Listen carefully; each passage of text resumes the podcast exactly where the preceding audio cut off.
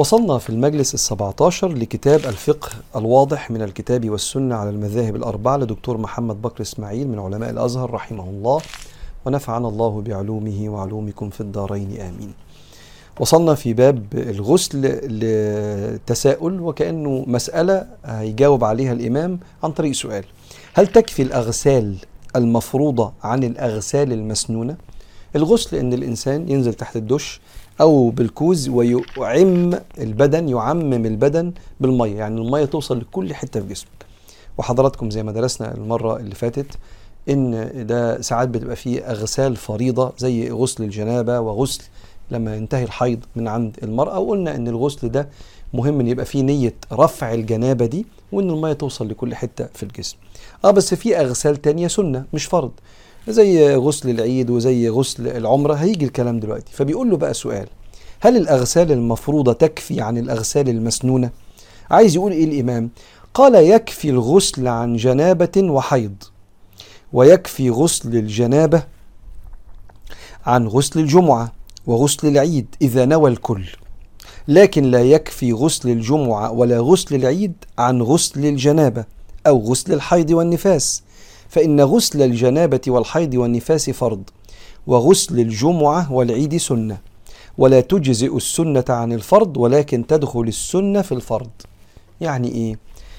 إحنا عندنا من السنة إنك تغتسل يوم الجمعة لو راح تصلي الجمعة. فغسل الجمعة اللي سنة ده عند المذاهب الأربعة إجماع إنه سنة. طب واحد كان صحي يوم الجمعة جنوب فهل أغتسل للجمعة؟ فغسل الجمعة السنة ده بالمرة يشيل الجنابة. قالوا لا السنة ما تشيلش الفرض. انت تغتسل بنية رفع الجنابة عشان ده اللي فرض وساعتها يبقى ده يكفيك عن غسل الجمعة اللي هو سنة. واحد آه واحدة نازلة تصلي صلاة العيد وفي نفس الوقت الحيض انتهى عندها ممكن تغتسل خلاص بعد الحيض.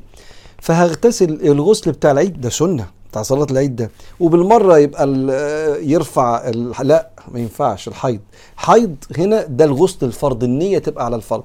فلو اغتسلت لرفع الحيض يجزئ مش لازم تستحمى مرتين تغتسل مرتين واحد الحيض وواحد للعيد لا. هو غسل الحيض اللي هو الفرض هو اللي يكفي أو يجزئ عن غسل السنة. ده المقصود من كلام الإمام. ما يجوز للجنب فعله؟ إيه الكلام ده؟ يمكن أنت الكلام ده ما يخطرش على بالك بس كان زمان بيقولوا إن الجنب ده قبل ما سيدنا النبي عليه الصلاة والسلام يصلح المعلومات دي إن الجنب ده أو المرأة الحائض نجس في نفسه فما تلمسش حاجة وما تقربش من حاجة وممكن كمان كانوا يقعدوه في أوضة لوحده ومحدش يكلمه. دي حاجة وحشة قوي فجه النبي عليه الصلاة والسلام قال إن المؤمن لا ينجس. ولو تفتكر لما كانت السيدة عائشة النبي بيقول لها هاتي لي الثوب بتاعي الجلابية فقالت له بس أنا حائض. قال لها حيضتك ليست في يدك. ما لما ما فيش مش لما تمسكي الجلابية الجلابية تتنجس. زي ما كان وقتها يهود المدينة بيشوفوا إن الست اللي أصابتها الحيض بقت كلها على بعض نجسة كده فيطردوها وما ياكلوش معاها ولا تاكل من أكلهم. فالنبي جه صلح الموضوع ده. فالإنسان الجنب ده بيعمل حاجات كتيرة قوي حب الإمام يقولها لك. قال ويجوز للجنب قص الشعر. وتقليم الأظافر والمشي في الشارع والذهاب للأعمال من غير كراهة بشرط آه. ألا يترتب على ترك الغسل ضياع وقت من أوقات الصلاة. هنا الإمام بيقول معلومة إحنا يعني إيه آه آه عندنا فيها سنة خوف كده. هل لو واحد على جنابة وبعدين بيعمل حاجة هو ممكن يغتسل دلوقتي؟ هو الأولى يغتسل طبعا. طبعا. بس لو بيعمل حاجة ولسه ما اغتسلش هل كده يبقى كأنه شخص نجس وملائكة بتلعنه ولا مفيش بركة ولا رزقه هيقل لو وقف في دكان يبيع ويشتري وهو على جنابة؟ قال له لا هو مفيش كراهة لممارسة الحياة بس بشرط. ما يبقاش انت ما اغتسلتش وداخل عليك صلوات ده انت هتضيع كده الصلاة. فقال له ممارسة حياتك وانت على جنابة ما فيهاش كراهة. مش كمان مش حرام ده الكراهة دي أقل من الحرمة. ما فيهاش كراهة مفيش حاجة. بس اوعى على حسن تأخير الغسل ده يخليك تفوتك صلوات. قال والإغتسال المبكر أفضل فإن الجنب دائما ما يوسوس له الشيطان بأنه ينجس وأن الدنيا كلها تلعنه ويخيل إليه أن الأبواب مغلقة في وجهه إلى غير ذلك من الهواجس. ولعلك تذكر أن المسلمين في غزوة بدر قد من الله عليهم بنوم خفيف استراحت أبدانهم. كانت حاجة غريبة جدا.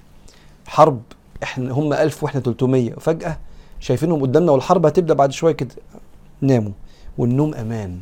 ربنا يقول في سورة الأنفال اللي بتحكي عن غزوة بدر إذ يغشيكم النعاس أمنة منه وينزل عليكم من السماء ماء ليطهركم به. وبيقول بقى إيه؟ بيقول لما ناموا وقد احتلم بعضهم. صحي محتلم.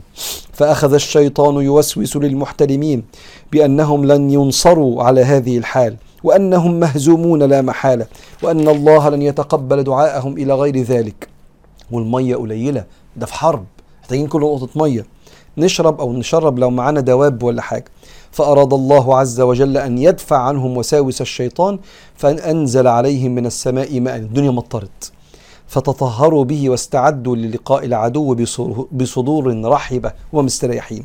ونفوس مطمئنة. وفي هذا يقول سبحانه وتعالى إذ يغشيكم النعاس أمنة منه وينزل عليكم من السماء ماء ليطهركم به ويذهب عنكم رجز الشيطان وليربط على جنوبكم ويثبت به الأقدام. نقرأ حاجة سريعة مع بعض كده نقفل بيها الكلام عن الجنابة. يحرم أو يحرم على الجنب خمسة أمور.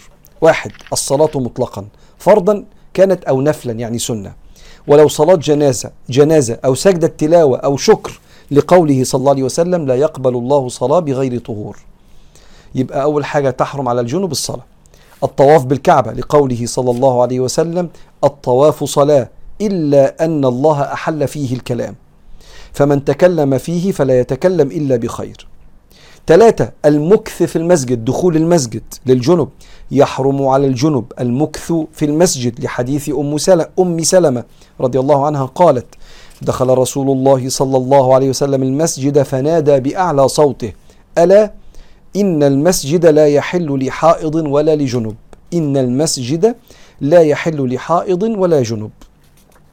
ولكن يجوز له المرور به فمن أراد أن يغتسل في دورة المياه بتاعت المسجد مثلا فله أن يمر به إن كان لا يصل إليه إلا عن طريقه. عفش يخش حمام إلا عن طريق المرور في المسجد.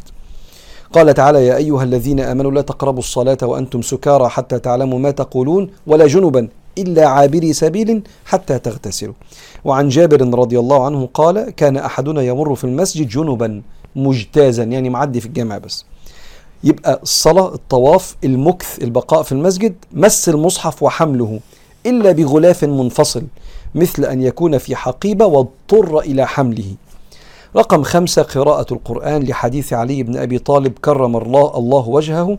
كان رسول الله صلى الله عليه وسلم لا يحجبه شيء عن القرآن إلا الجنابة. رواه أبو داود والترمذي. وعنه أيضا قال سيدنا علي يعني رأيت رسول الله صلى الله عليه وسلم توضأ ثم قرأ شيئا من القرآن ثم قال هكذا لمن ليس بجنب فأما الجنب فلا ولا آية فلا ولا آية. وبهذا قال جمهور الصحابة والتابعين والأئمة الأربعة. يبقى الصلاة الطواف البقاء في الجامع مس المصحف وقراءة القرآن للجنب لا يجوز لي. نقف هنا ونكمل المرة الجاية إن شاء الله بإذن الله.